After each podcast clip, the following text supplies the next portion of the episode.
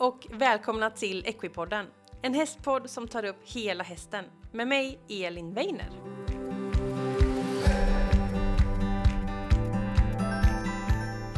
Hej alla fantastiska Equipodden-vänner och välkomna tillbaka till Equipodden. Jag hoppas du har haft en fantastisk vecka och att du nu Eh, är redo för ett nytt avsnitt av podden, för det är jag. Jag älskar företagande, jag älskar entreprenörskap, så därför är jag sådär extra taggad på veckans avsnitt. För eh, gästen i det här avsnittet, det är ingen mindre än Madeleine Törnblom. Och det är Madeleine som har grundat och driver Maya Delores. Eh, det är nog ingen som missat. Sjukt bra ridbyxor, kläder till ryttare men framförallt ridbyxor. Så bra grejer! Eh, jag åkte till Uppsala och fick chans att träffa Madeleine. Otroligt härlig och glad tjej och hon berättar lite om sig själv och hennes resa till där hon är idag. Hur hon grundade Maja Dolores, vägen dit. Eh, liksom hur, hur hon hittade det här lilla hålet i marknaden med de här eh, grymma ridbyxorna som påminner lite om sportbyxor eller kanske träningsbyxor och verkligen satsade på det. Vi får höra hur hon har byggt upp, hur hon ser sitt företag idag. Vi pratar om marketing, sociala medier, men mera, men mera. Alltså ett så härligt och bra avsnitt och verkligen så kul att få dyka in i en persons historia som vi gör i det här avsnittet. Så håll i er, vi kör igång veckans avsnitt med Maja Delores grundare Madeleine Törnblom.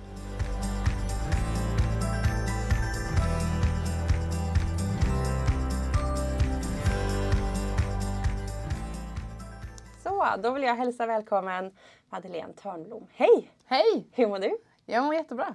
Härligt! Och eh, vi är på Maja Dolores. Hur häftigt är inte det? ja, på självaste huvudkontoret. Ja, hemma hos dig kan man säga. Ja, Nästan. hemma hos mig. eh, jättekul att du var med i podden. Vi ska prata lite business, lite företag, vi ska prata ja, lite ridbyxor och lite sociala medier. Eh, så det blir kul. Men för de som inte känner dig, vem mm. är du? Ja, men, eh, jag heter då Madeleine Törnblom. Jag är 25 år. Eh, jag är från Uppsala. Jag är egentligen uppväxt eh, lite utanför Uppsala på, på en gård. dit jag även tvingade mina föräldrar att ha hästar. jag har ju ridit då hela mitt liv sedan jag var tre och ett halvt. jag började då. mina föräldrar har ingen hästbakgrund överhuvudtaget utan mm. jag började de fick till sist köra mig till ridskolan för att jag tjatade så hårt så fort jag såg en häst. så då bestämde de sig för att eh, okej, okay, hon får väl prova då. Eh, jag var bara tre och ett halvt och man fick egentligen inte ens vara så liten när man började där. Nej, det är inte så gammalt. Nej. Eh, men eh, hon ridläraren sa att hon får väl komma och prova då så får mm. vi se om hon liksom kan, kan sitta kvar. Och det gjorde jag. Så jag, det var så det började. Häftigt. Eh, så jag har ju, ja, jag har ju verkligen startat hästintressen från ingenstans. Det finns inte i familjen eller sådär. Men du lyckas ändå mm. få häst på gård? Eller så här. Ja men precis, men till sist, jag, jag är sjukt envis. Ja, eh, skitjobbig unge. så att eh, jag tjatade mig till att eh, få min första häst när jag var sju. Mm. Så när jag var sju år så köpte mina föräldrar min första shetlandsponny till mig. Eh, jag kommer ihåg att han, eh, han kostade 6000 kronor och så fick vi med träns och sadel och, och någon liten eh, sulky där som vi kunde köra mm. och, och det var nog den bästa dagen i mitt liv när jag fick där min första häst. Wow. ja. Så att, eh, och han är faktiskt fortfarande kvar, min shetlandsponny. Så han går fortfarande starkt där hemma på gården. Gud vad bra. Alla gårdar behöver en shettis. Ja, ja, ja, absolut. Som ställer till det. ja. Nej men så, så började det och sen så slutade jag aldrig. Jag har alltid varit besatt av hästar och ridsporten och har väl också hållit på med någon slags förhoppning om att jag ska kunna bli ja, men, eh, du vet, nästa Malin Baryard mm. eller eh, mm. liknande. En stor dröm om att få tävla på stora tävlingar och, och bli duktig. Mm. Um, gick på NIU elitidrottssatsning då på gymnasiet uh, och ja, haft mycket hästar genom åren. Men nästan alltid tagit hästarna att jag fått köpa unga hästar och, och utbildat dem själv. Ja. Ja. Eh, för jag har inte haft möjligheten att köpa någonting annat. Mm. Så det var, det var lite min grej. Ehm, och eh, sen så insåg jag väl någonstans där när jag varit runt, runt 20 att jag inte riktigt höll för att bli så, så bra som jag hade hoppats. ja. eh, och bestämde mig för att jag kanske det är dags att ta någon annan nisch men fortsatt i ridsporten. Mm. Och det är väl så jag hamnar där jag är idag. Mm. Mm. Eh, så att, eh, om jag ska dra den storyn så började ju allting med att jag just hade köpt en unghäst från Tyskland. En treåring Mm. som jag köpte. Jag fick ett videoklipp på 20 sekunder när hon travade runt i en ring. Eh, och eh, så köpte jag henne direkt från eh, en lösdrift i, i Tyskland. Så kom hon där sent en eh, decemberkväll. Mer vild än tam var hon väl. eh, och jag tog henne då och utbildade henne och tävlade eh, och hade väl henne totalt i två år. Och efter två år så kunde jag sälja henne och då gjorde vi ändå en okej vinst. Eh, vilket gjorde att jag fick ett litet eh, startkapital där som jag tänkte så här, vad, vad skulle man kunna göra med de här pengarna? Borde jag köpa en ny häst, kanske mm. möjligheten att köpa en liten bättre häst eller liknande. Mm. Men jag, jag hade ju då börjat gå i tankarna som jag pratade om tidigare att jag, jag kom inte riktigt till den nivån som jag kanske ville tävla på och funderade på hur kan jag få vara kvar i, i ridsporten eh, på något sätt eftersom att jag är så otroligt besatt av hästar. Mm. Eh, men vad, hur kan jag hitta min plats liksom?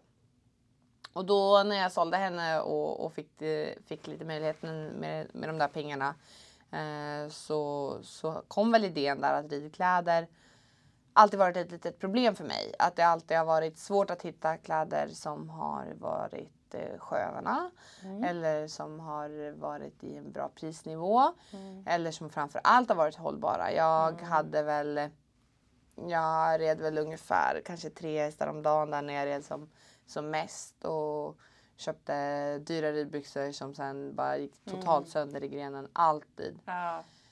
Hade liksom eh, tryck över hela magen av de obekväma midjorna och det var inte alls eh, Ja men det var, det var liksom, det var någon friktion där. Det- det- Ridkläderna var inte vad jag tyckte de kanske borde vara. Mm. Och då så droppade jag idén till min pappa som var med och ägde den här hästen, halva hästen Mm. som vi köpte in då. Att eh, jag har en tanke om att man skulle kunna göra ridkläder så pass mycket bättre. Mm. Eh, och då, då sa han det, han bara ja men, eh, men gör det. och jag, jag eh, kände så, ja eh, det, det kanske jag ska göra men jag har ingen aning Ja, man gör. det. Så jag var 20 år då när jag började och hade väl precis gått ut gymnasiet, eh, tagit någon extra kurs på Uppsala universitet sådär. Men hade ju så ingen aning om hur man eh, driver ett varumärke, hur man producerar kläder. Jag visste ju knappt hur man har ett jobb. Jag har bara haft massa Mm. extra jobb. Mm. Mm. Eh, jobbat på ICA och McDonalds. Jag har verkligen ingen liksom, bakgrund alls. Ehm, men jag bestämde mig väl där någon gång att bara, ja men klart att jag ska kunna göra det. Ehm, och mina föräldrar är väldigt, väldigt duktiga på att stötta mig och, och eller mig, både mig och mina syskon och, och alltid varit så att ehm, man kan göra vad man vill om man jobbar för det liksom. Mm. Och där började jag Mm. med det som eh, idag är Maya Dolores. Ja, Men det är ändå så här, ibland har man sådana här tokiga idéer så säger man det till någon och så förväntar man sig nästan att så här, ah, men det är svårt, eller det kan vi inte göra. Då blir man nästan lite ställd när din pappa säger, ja men gör det då. också Jaha. när han var så övertygad, bara klart att du kan. Ja, Kände jag, eh, ja, klart att jag kan. ja då blir det så här, jaha, då får jag göra det då. Ja men precis. Sen var jag väldigt väldigt försiktig just det där som du säger att eh, man, är, man är lite rädd för andras eh, åsikter utifrån att de ska kanske säga men så kan du inte göra. Mm. Så jag höll det väldigt för mig, för mig själv till början och då där när, vi, när jag skulle starta upp då var jag tvungen att söka upp all information. Jag känner ingen som har gjort något liknande tidigare liksom. Mm. Så att jag satt ju och googlade i timmar och lyssnade på varenda podcast, varenda artikel. Mm. Allt försökte jag bara ta reda på. Hur, hur gör man? Och all, den flesta information finns ju att tillgå Ja. om man bara sätter sig in i den. Om man hittar. Om man bara hittar och man bara ger sig eh, den på att det, det, jag ska kunna det här. Mm. Ehm, ibland tror jag man, man ofta tror att all information ska komma till en som gör att man kan ta sig vidare till nästa steg. Men att sitta hemma och vänta på att saker ska hända och komma till en, då tror jag inte att det blir så mycket av. Nej. Man måste, man måste våga kavla upp ärmarna och, och göra jobbet och ge sig den på att klart att jag kan det här. Mm. Ehm, för det är lite så, vem ska tro på dig om du inte tror på dig själv? Ja men Ja, precis, det är ett jättebra tips. Mm. Eh, och det är svårt eh, hur man börjar. Men vad var första stegen du gjorde då? Jo, men första steget var väl att försöka få någon slags bild av hur kan man producera kläder. Det var just kläder du ville Ja, det med, var ju det var verkligen ridkläderna som var min eh, som lockade. som lockade mig Mm. väldigt, väldigt hårt. Och jag hade också sett då den, lite den här trenden att, att mer eh, det som man kanske traditionellt sett använder på gymmet börjar Mm. komma till ridsporten. Mm. Men de produkterna som då hade kommit som var lite mer så sportmaterial eh, var inte alls bra. Det var, de var alldeles för tjocka, de Ja. var helt stumma. Men jag hade, man kunde ändå liksom se att den trenden var på väg lite. Det hade börjat komma. Mm. Eh, och då tänkte jag att men om vi tar det next level, om vi kollar då på vad gym, gymvärlden använder för, för material. Vad, varför skulle vi i ridsporten inte kunna använda de här materialen? Och det är så många som kommer till mig nu och bara så här.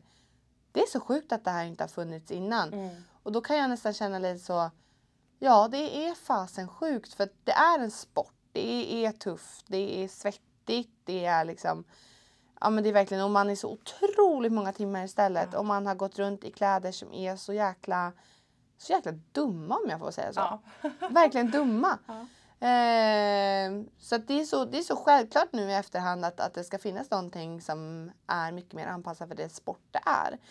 Så jag tog ju, jag bestämde mig ganska snabbt för att jag vill hitta en fabrik som producerar sportkläder. Mm. Så jag, de, de hade inte alls gjort ridsportkläder innan, innan vi började.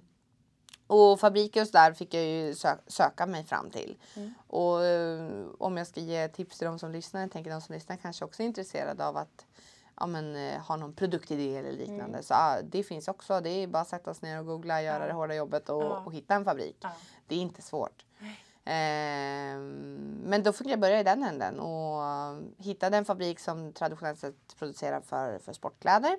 Och så sa jag hej, jag vill göra de här kläderna men vi måste göra de här anpassningarna för att det ska passa in i ridsporten. Mm. Och då, ja men det, alla som lyssnar vet ju vad som skiljer ridkläder men till exempel med Ja, silikongreppet precis. och liknande, lite Ja. annat på sömmarna och Ja. sådär.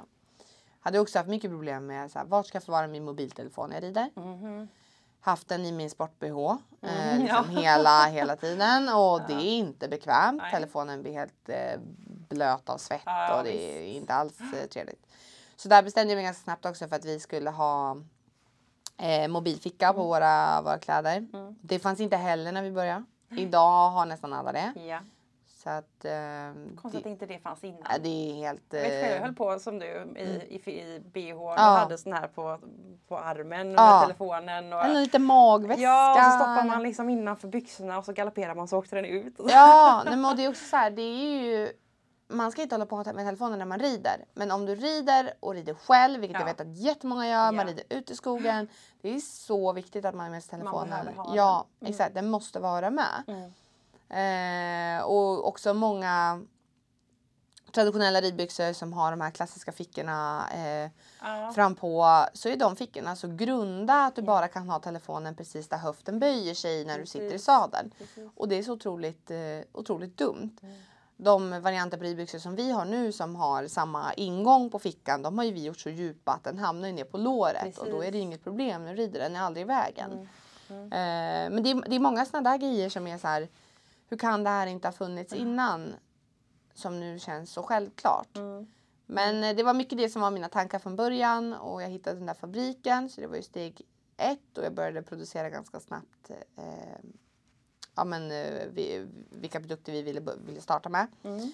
Eh, sen på sidan av så måste man ju också så här, jag måste ju bestämma vad skulle vi ha för namn. Eh, och det är väl typ den mest vanliga frågan jag Ja, får. Var kommer namnet ganska ifrån? udda namn egentligen. Ja, ja, och det var verkligen min tanke att jag ville ha något som är väldigt unikt. Mm. Eh, jag vill ha gärna med några så här häftiga bokstäver och Mm. där har vi Y och, och Ja. Z. Eh, jag vill ha något som satte sig, jag vill ha ett tjejnamn. Så jag hade en Mm. väldigt tydlig bild av ändå hur jag ville att det. Jag, jag liksom såg namnet framför mig men jag såg inte vad det skulle vara. Liksom. Mm. Eh, jag vill också ha, köpa, det är viktigt att man köp, kan köpa alla domäner, man har Instagram-namnet, det går inte att förknippa med något eller sådär. Mm. Så hittade jag den, jag satt hemma och, och googlade. Eh, så hamnade jag på någon sån här babysajt där eh, folk döper sina barn. Ja. Så var det en kvinna som skrev att om jag får en dotter då ska jag döpa henne till Maya Dolores. Mm. Och då när jag, då när jag bara såg det så kändes allting, det bara, där är det. Där var det. Ja. Och efter den dagen så har jag aldrig, det har aldrig varit en fråga om någonting annat. Liksom. Och namnet är väl också en av de grejer jag får mest tillbaka på. Att, att folk tycker, men, ja men precis det jag sa, att det, det sätter sig, det är Ja. unikt. Ja. Det smakar liksom bra i munnen. Ja, men det alltså. gör det. Ja. Det är ganska långt, det Mm. ganska stort. ja. Men ändå, det ligger bra. Ja. Mm. Ja, nej men eh, så det är jag otroligt nöjd med namnet och det får jag väldigt mycket feedback på eh, än, än idag liksom att det, det, det satt. Och det var exakt så jag kände när jag såg det, det, bara, det var bara rätt. Mm.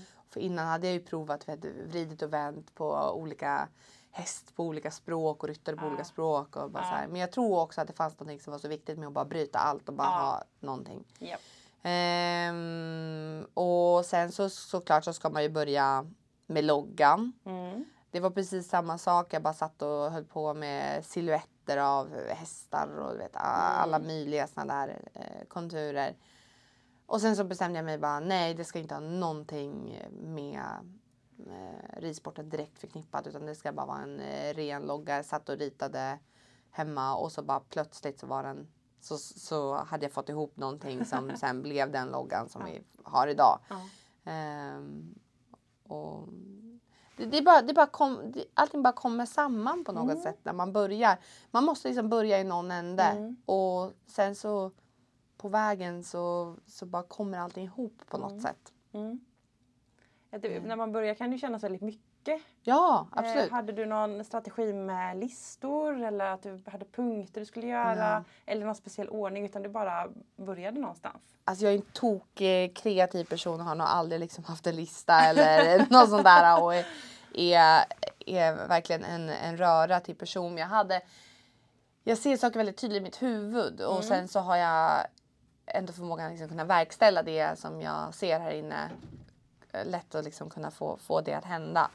Så att, eh, men jag tror också mycket med den där informationen jag hade sökt mig till om hur man skulle ta, eh, ja, gå tillväga och sådär. Så, så visste jag ändå vad som behövde göras. Mm. Ehm, sen så skulle man säkert vara väldigt hjälpt av att kunna jobba lite mer strukturerat och med listor och grejer som jag inte är. Men eh, jag, jag bara, allting bara kom samman på något sätt och sen så jag tror att eh, ungefär, det tog ungefär ett halvår efter att jag började så kunde vi lansera första produkterna och det är ganska snabbt. Mm. Det, jag skulle kanske säga att, det, att eh, ett år är mer rimligt. Men jobbade du heltid med det då eller var det lite Nej. här och var? Eh, jag pluggade samtidigt. Mm. Så att, eh, men jag kanske inte skötte plugget skitbra om jag ska vara helt ärlig. Du går ju lite i vågor också. Ja, exakt. Eh, så jag pluggade och jobbade, jobbade extra Mm. på sidan. Så att, eh, men, men jag är väldigt sån person att om jag går igång på någonting Mm. och så fort jag bestämde mig att jag skulle göra det här så visste jag, jag visste precis vad jag ville att det här skulle bli Just från början. Liksom. Ja. Jag har aldrig tvekat. Så att eh, sen, den, eh, sen den dagen så, så när jag hade bestämt mig så har det här liksom varit allt för mig. Ja. Häftigt. Mm. Ja, så det var börja få fram produkt och prata med fabrik och hemsida och Instagram och, Mm. och allt det här och sen så få hem det första då. Hur kändes det när det kom? Ja, men det var helt sjukt och, och vi kunde ju ingenting så jag fick åka och hämta ut de där eh, grejerna och allting låg där packade boxar och det kändes bara ja, men helt, eh, helt sjukt. Och jag stod där, jag tror min första batch på ridbyxor var på 100 stycken. Jag stod med 100 par ridbyxor hemma och bara åh herre Jesus, vilka ska ha de här på sig? Vem är de hundra personerna? Vilka är de här hundra personerna som ska ha det här på sig? Och jag bestämde ju ganska snabbt att sociala medier skulle vara vår strategi. Så jag försökte hitta liksom, bra profiler. Men vi hade ju heller inte ekonomi nog att kunna betala någon större profil eller liknande. Så jag försökte hitta ja, men, tränare, personer jag kände som kunde tänka sig att bära produkterna. Och det, det, som är, det som jag hade som fördelen det är att jag har alltid vetat att vi har en väldigt, väldigt bra produkt. Vilket gör att får jag på den på någon så Så kommer bli den. bra. Ja, Mm. exakt. Mm. Så då handlar det mycket om att hitta personer, rätt personer, få på de grejerna och sen vill de inte ta av dem. Mm.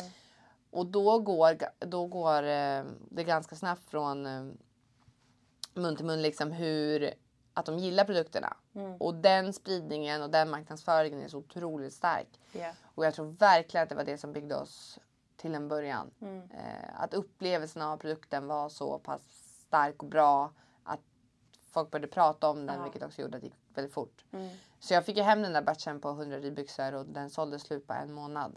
Det är bra. Ja, det var, jo, men det var otroligt. Eh, och jag är jätte, jättetacksam för den starten gjorde ju också att vi fick ja, men helt annat. Man kände det, det finns en efterfrågan, vi, vi kan göra det här. Liksom. Men fick du inte panik då? Shit, nu måste jag ju få hem nya och fylla på. Jo, det var ju fullständig panik. För det tar ju lite tid att få hem. Det, våran taktik har aldrig varit att, att ha mycket out of stock eller liknande. Men eh, vi har ju hamnat där för att vi har haft större efterfrågan än vad vi har kunnat leverera. Mm. Men det har också skapat ett otroligt intresse. Ja, eh, så det, det finns ju en, en fördel i det också. Eh, men även fast det aldrig varit vår tanke. Men så när vi väl släpper nya, eh, kunna restocka grejer så har det ju gått åt så himla fort. Ja.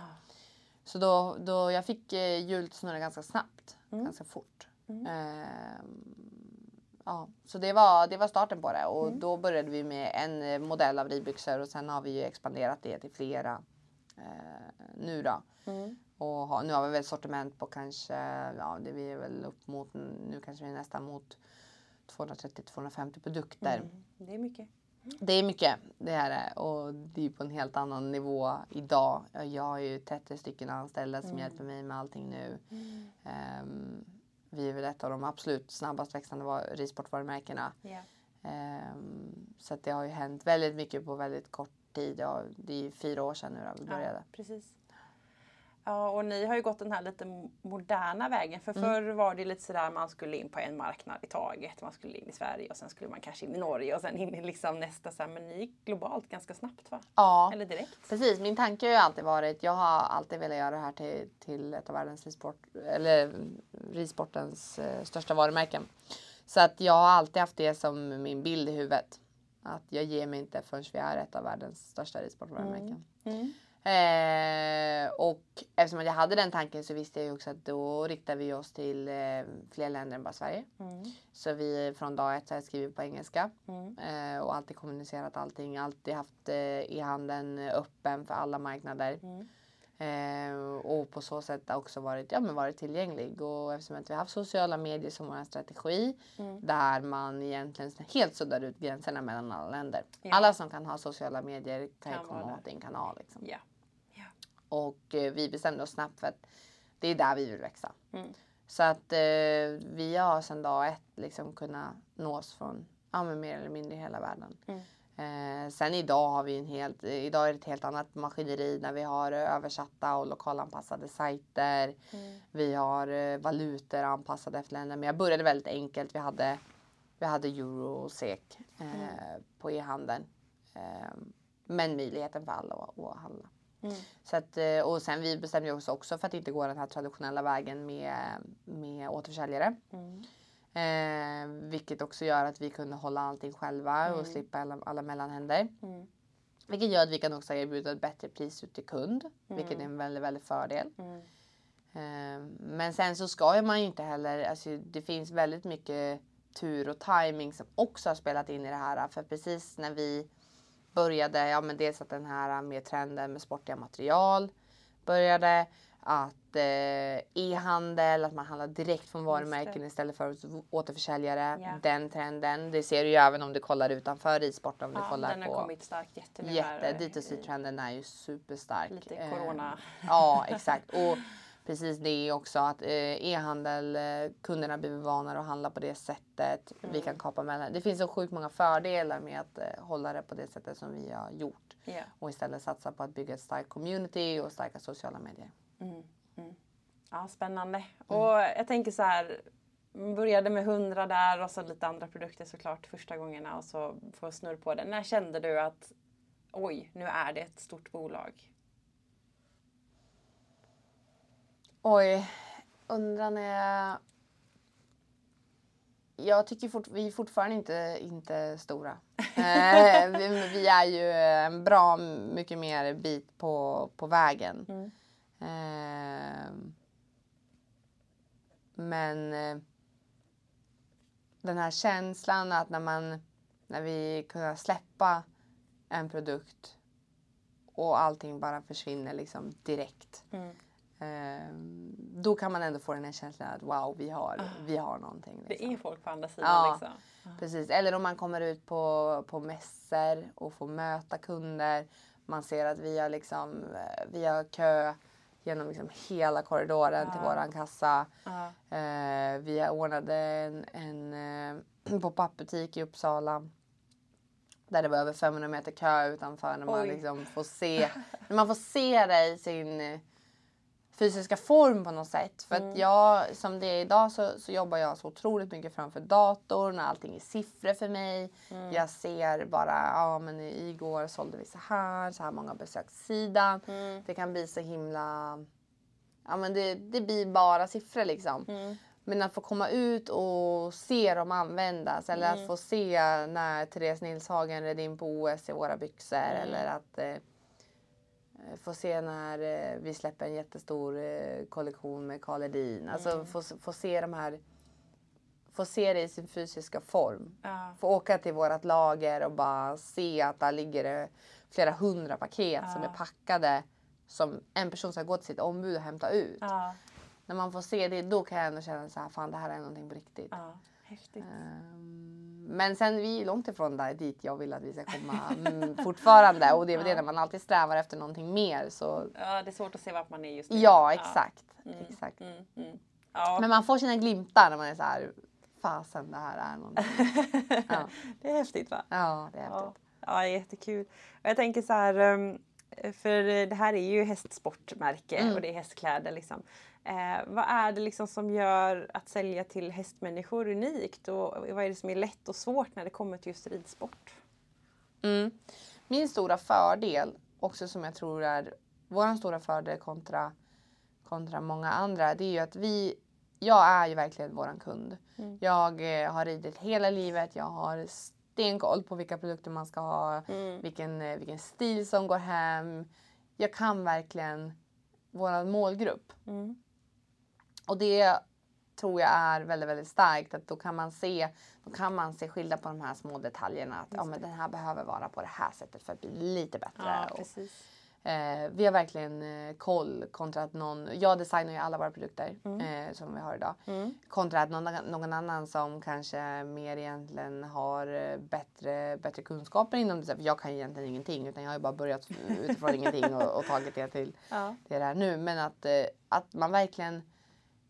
Jag har varit där, där produkterna används under så många år att, att jag har bra koll. Mm. Eh, vilket gör att vi kan ta fram produkter som också användaren kan uppskatta på ett helt annat sätt. Mm. Mm. Mm. Eh, och det är viktigt med design och hela den biten också. Men också den här komforten som ska vara Ja. svinhög.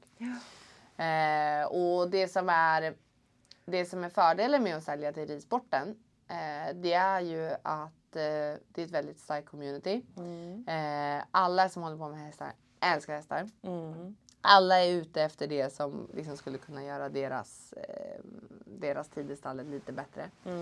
Eh, Det är så många timmar. det är så många timmar. Eh, men också så är det ju ko- hela liksom hästcommunity är ju så starkt och alla i ridsporten är så otroligt intresserade. Och alla som håller på med häst dör ju för häst. Alltså verkligen dör för häst. Ja, ja. Ehm, vilket också gör att vi, vi jobbar ju mot en väldigt nischad målgrupp som alla använder ridkläder mer eller mindre på samma sätt. Mm. Och det är ju också en av de här grejerna som gör att det är så skalbart över hela världen. Där det är någon som rider och utövar ridsport så finns det ungefär samma behov. Mm. Alla använder ridbyxor Ja. på samma sätt. Ja. Det handlar bara om att det här är det lite varmare och här är det lite kallare. Ja, eller. Mm. Och sen så finns det ju olika nischer att man kan hålla på i, inom ridsporten, absolut. Men eh, i det stora hela så används, används ju produkterna på samma sätt Mm. världen över. Just det. Vilket gör det också väldigt eh, mycket enklare när man eh, tar fram produkterna. Mm. Ja, men det är ju starka traditioner i ridsporten på något sätt. Absolut. Vi, alltså tittar man tillbaka på 1800-talet så såg man ju ridbyxor också. Så att den har ju verkligen hängt med. Mm.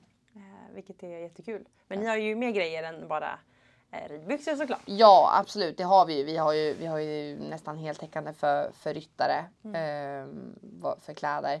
Men det är ju ridsport, eller ridsport säger jag. det är ju ridbyxor som är våra grej. Och det är Ja. att jag tror och hoppas att när ni frågar runt bland vänner och liknande att det, är- det är det de säger Det är att de vi är som är bäst på. Ja.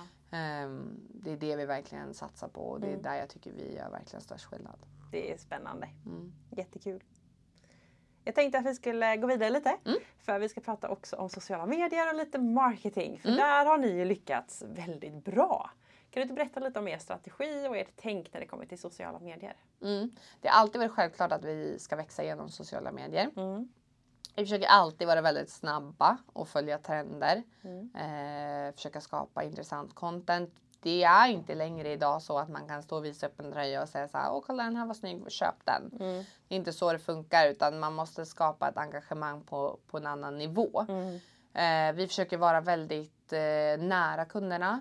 Vi försöker ja, men, lite att du ska kunna få känslan hos oss att det, du följer någon som du, du känner Mm. och att eh, ja, men du tänker att ja, men det här skulle kunna varit jag. Mm. Eh, vi Mm. försöker även bygga väldigt mycket på eh, att skapa ett starkt community där man också kan få, ja men man kan läsa intressanta artiklar, man kan få tips och tricks och liksom lära sig mera. Mm. Och det jobbar vi, vi har eh, ganska stort projekt som kommer gå live under nästa år där vi kommer ta det ännu längre. Mm. Eh, där vi nästan vill bli så en plattform liksom Mm.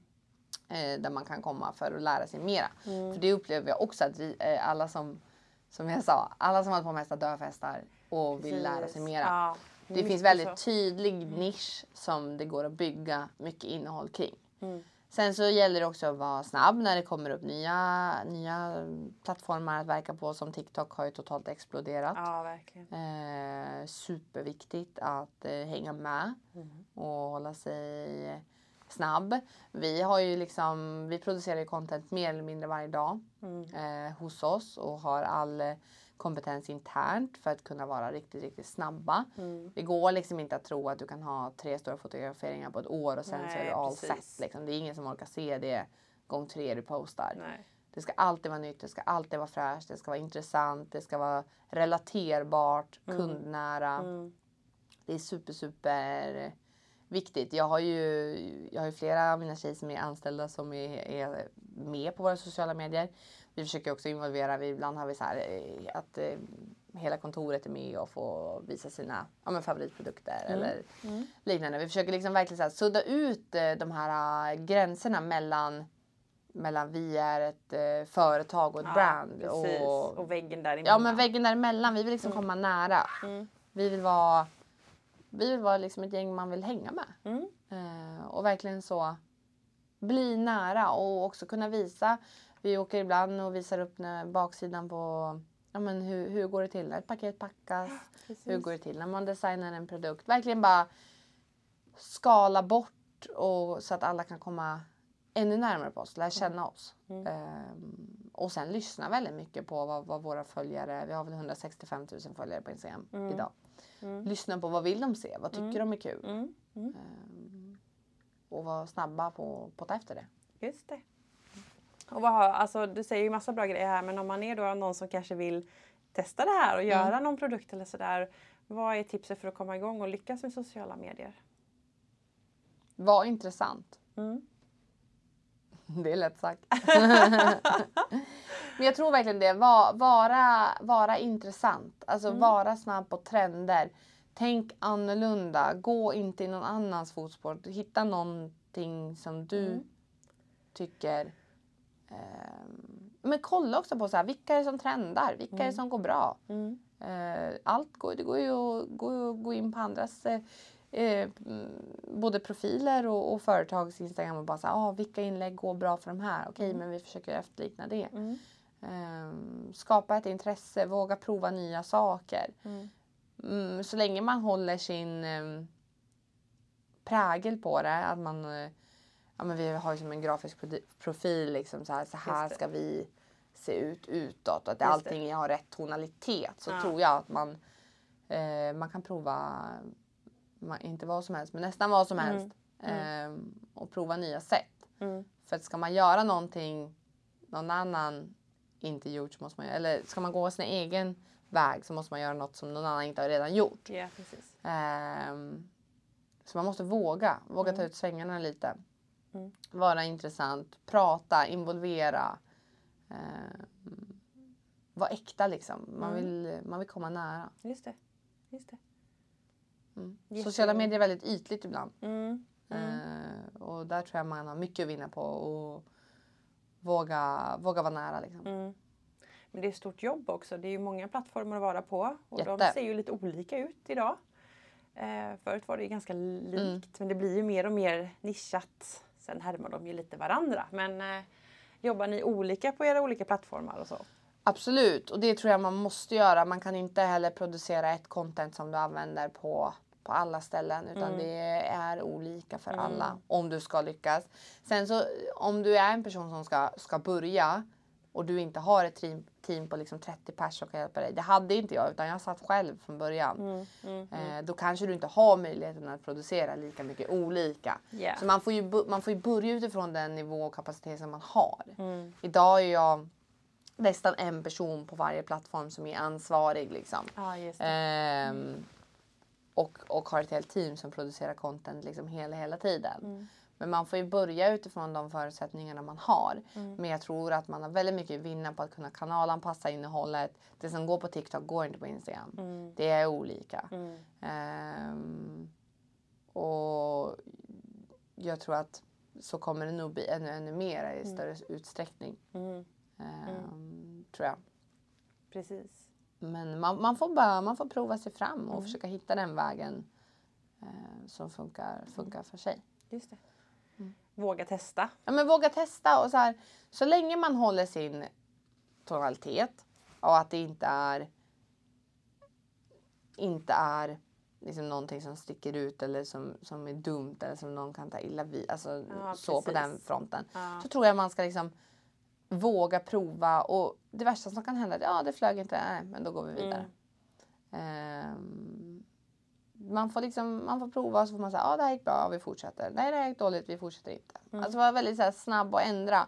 Och därför tror jag också att det är viktigt att man, man kan inte sätta, sitta och göra jättesvåra kalkyler på, så här ska vi göra nu. Det här är våran plan två år framåt. Det går inte att sätta dem, för du måste vara snabbfotad. Just det. Eh, Du kan ha en vision och en tanke men eh, vem kunde ana att TikTok ska gå om Instagram nu liksom? precis. för, för kanske bara ja, men två år sedan. Liksom. Nej, precis. Det hade ingen kunnat tro. Så att eh, man måste vara snabb. Mm. Snabb på förändring. Mm. Eh, följa trender. Just det. Följa det som händer. Ja. Där är du inne lite på det här med att utvärdera det man har gjort och liksom bygga vidare på det. Eh, hur viktig är utvärderingen och analysen i att driva sig framåt? Det är klart att det är viktigt men jag tror att det viktigaste av allt och speciellt i början det är bara få saker gjort. Prova, prova, prova, prova, prova. Allting som är framåt, utåt måste vara det som man gör. Eh, med absolut prio. Eh, och sen är det klart som, ja men man måste ju kolla så här, ja men det här innehållet flög, det här flög, inte. Men jag tror att till en början finns det ingen tid att spilla på att sitta och gräva i det som har varit. Tusen saker kommer gå fel, du kommer stöta på så mycket motgångar och det kommer bli, ja men verkligen, du kommer få bita, bita tag i sura äpplen tusen gånger. Men, eh, och det måste man vara beredd på. Och är man, fastnar man för mycket vid alla misslyckanden då kommer man inte orka. Mm. Ehm, man åker ner i backen ett par svängar, det är precis som när man rider liksom. Men eh, det blir, det blir bättre. Ja. Eller det blir bättre, man måste bara förbi dem. Ja. Man kan inte fastna i det som har gått fel. Mm. För fel går det hela tiden. Det går fortfarande fel för mig. Ofta, Ja. skulle jag säga. Hela tiden. Ja. Man måste våga liksom, våga prova och sen våga gå vidare och släppa saker. Mm. Mm. Sen ehm, absolut att eh, analys är, är viktigt. Men ibland så tror jag också att man måste bara våga köra lite. Jättebra tips ju. Man vågar framåt. Innan vi började spela in här pratade vi lite om det här med att driva företag i ridsporten och att ridsporten är ju väldigt lite gammal och klassisk i många fall. Eh, vi går och sopar våra stallgångar och släpper in och ut och sådär. Eh, vad tar du med dig? Jag tänker så här från nu då att ha varit en, nu jag sitter sån här snufföra, en vanlig hästtjej till att liksom gå in och, och driva företag och växa i det här. Vad, vad tar du med dig när den här resan, företagandet som ridsporten skulle kunna få nytta av? Om du förstår vad jag menar. Ja, men, eh, alltså ridsporten, det finns så många delar i ridsporten som är i så stort behov av utveckling. Och jag tror bara att man måste våga öppna ögonen för det och att man måste ja, men, våga våga tänka annorlunda. Jag tror verkligen det finns jag, jag ser ju att ridsporten utvecklas väldigt snabbt. Det är en sport som växer väldigt mycket Mm. eh, och det är mycket som förändras men det är väldigt mycket kvar som, som eh, man skulle kunna göra på ett helt annat sätt. Mm. Så mycket bättre. Den är traditionell och lite gammal. Eh, Mm. Där jag verkligen ser mycket, mycket möjligheter till att kunna driva, driva business på det. Och lite som jag också sa till dig innan att jag, jag kan bli galen på, på alla dåliga mm, arbetsförhållanden som finns inom ridsporten med groomar som jobbar sju dagar i veckan. Nästan inget betalt. Det, det har varit ganska smutsigt på den fronten och där känner jag bara att eh, det, det räcker med det. Eh, det ska kunna gå och verka och vara inom ridsporten med rimliga förhållanden. Ehm, och jag är verkligen med på att jag vill göra skillnad där och desto mer muskler vi får så vill jag verkligen också kunna vara med och göra den skillnaden. Ja. Eh, för jag har ju sett allt det där med egna ögon. Mm.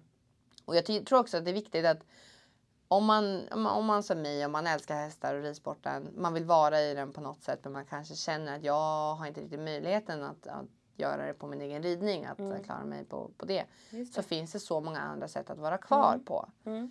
Eh, och göra det till ett faktiskt företag. Ehm, och kunna ja, men tjäna sina pengar på ridsporten och, och kunna vara i den. Jag lever ju min absoluta dröm nu. Jag får ju liksom vara med, med så mycket duktiga Mm. ryttare. Jag får se och få möjligheten att vara med och, och sponsra många av de här ryttarna som kämpar varje dag för att få sina verksamheter att gå runt. Mm. Kunna signa bra sponsorkontrakt, kunna hjälpa dem med sin satsning framåt. Eh, ge dem helt andra eh, möjligheter och också få vara med själv och, och se det på så nära håll. Det är ju fantastiskt Mm. Mm. på så många sätt. Eh, så att jag, jag tänker så här, sitter någon som är en riktig hästmänniska på andra sidan liksom och tänker så här, jag, jag, jag verkligen älskar ridsporten. Så finns det så många sätt att vara, vara kvar i den. Mm. Eh, även om det inte är just ridningen. Det tror jag är Mm. viktigt. För att eh, rida är väldigt svårt. Eh, det tar mycket tid och det är ganska få som blir de där. Alla hade ju Mm. Men den det här är drömmen. svårt att få att försörja sig Ja, på det. det är jättesvårt. Eh, det, är jätte, det är jättesvårt och det är jättesvårt även för dem på allra högsta nivå. Mm. Men det, fin- det finns flera andra sätt. Man måste bara våga kolla med lite andra ögon på det. Mm. Tror jag. Det tror jag är ett jättebra tips Ja. att skicka med. Mm. För att eh, vi alla hade ju drömmen att vara OS-ryttare när man var liten. Ja men Och Det är absolut. jättesvårt. Ja, Det kräver otroligt mycket. jag är ju det närmaste jag någonsin kommer att rida OS. Det var ett mina ridbyxor redan. Ja, Så att precis. det, och det är jag skitstolt Ja. för. Det är ändå nästan. Ja, det, det är så nära jag kommer. Ja, fantastiskt. Ja. Ja, men jag tror att det är precis som du säger, man eh, blir lätt lite trångsynt. Man behöver liksom se. Precis, och man tänker så, ja men så här har vi alltid gjort. Ja, exakt. Men gå där i stallet och så gör alla vanliga sysslor som du gör med i stallet när du rider och så känner du så här. Fan vad det är jobbigt att sopa stallgången. Ja. Varför är det så bökigt? Hur skulle vi kunna göra det på ett bättre Ja. sätt? Alltså känn där det är lite friktion, där finns ju någonting att göra bättre. Precis. Alltså absolut, det finns så mycket grejer. Mm. Och ingenting är omöjligt. Nej. Det är bara, man måste bara vara väldigt envis. Ja, det är ett fantastiskt driv du har. Att du orkar. Ja, alltså det, men det måste man också vara beredd på att, att eh, ingenting kommer ju av sig självt Mm. och man måste vara beredd att lägga ner tid och energi på det. Men det tycker jag ändå inte är någonting som man måste eh, förklara två gånger för någon som håller på med hästar och ridsport. För det är folk som är vana att ja. jobba, så duktiga, så ambitiösa, lärt sig i tidig ålder att man måste ta mycket eget ansvar. Mm. Ehm, så, så där, ehm, arbetsmoralen brukar inte vara ett problem hos Nej. hästtjejer. Det märker jag också för jag har väldigt mycket hästtjejer som jobbar hos mig och alla är så jäkla drivna och duktiga. Och, ehm, så att ehm, energin och drivet finns i hästmänniskor. Mm. Det gör det. Ja, det är häftigt. Mm. Det är jättehäftigt. Vad härligt. Jag tänkte att vi skulle börja runda av lite Mm. grann. Men jag måste ju fråga, rider du fortfarande? Ja men jag har fortfarande en häst. Det är så? Eh, sen så kan jag inte alls rida på, på samma sätt som jag gjorde förut. Eh, det här tar så otroligt mycket tid och energi från mig. Mm. Så att eh, jag, jag har kvar min häst men jag får hjälp av min syster. Mm. Eh, men rider någon gång eh, när det passar sig. Men jag gillar verkligen det sättet jag får vara med i ridsporten på nu liksom. Ja, Ehm, det är ju så. Ja. Oftast så är man rätt nöjd att få klappa och lukta lite häst ibland. Ja men precis. Ja, men nu, nu gör jag det bara ja, men som ett intresse lite då och då. Mm. Men jag är ju också en tävlingsmänniska så egentligen så ja, man kan ju sakna liksom tävlingsmomentet och det där. Men eh, visst. Jag tävlar mycket i det här nu istället. så jag får utlopp för det ändå. Mm. Hitta sina vägar. Ja. Som sagt dina ridbyxor tävlar ju. Mina ridbyxor tävlar och jag tävlar, jag tävlar efter att kunna få, få det här att växa och flyga Ja. på det sätt jag vill. Ja men superhäftigt. Eh, jättekul att du vill vara med i podden. Om man tyckte det här var intressant och vill komma i kontakt med dig, hur gör man då? Jag tror nästan lättast är kanske att, att slida in i min DM på Ja, Instagram. Det gjorde jag. ja, men precis. Det är nog lättaste sättet. Eller på LinkedIn eller så. Precis. Mm. Ja, om man vill ha lite tips och råd kanske. Ja, absolut. Fantastiskt. Välkommen. Eh, och annars är det då era andra sociala medier. Ja, precis. Och det är Maja Delores överallt. Ja, det är det. Prick överallt. Prick överallt. ja. Och jag heter Madeleine Törnblom på Instagram. Precis. Ja men fantastiskt. Då säger jag stort tack för att du var med i Equipodden. Ja, men tack själv.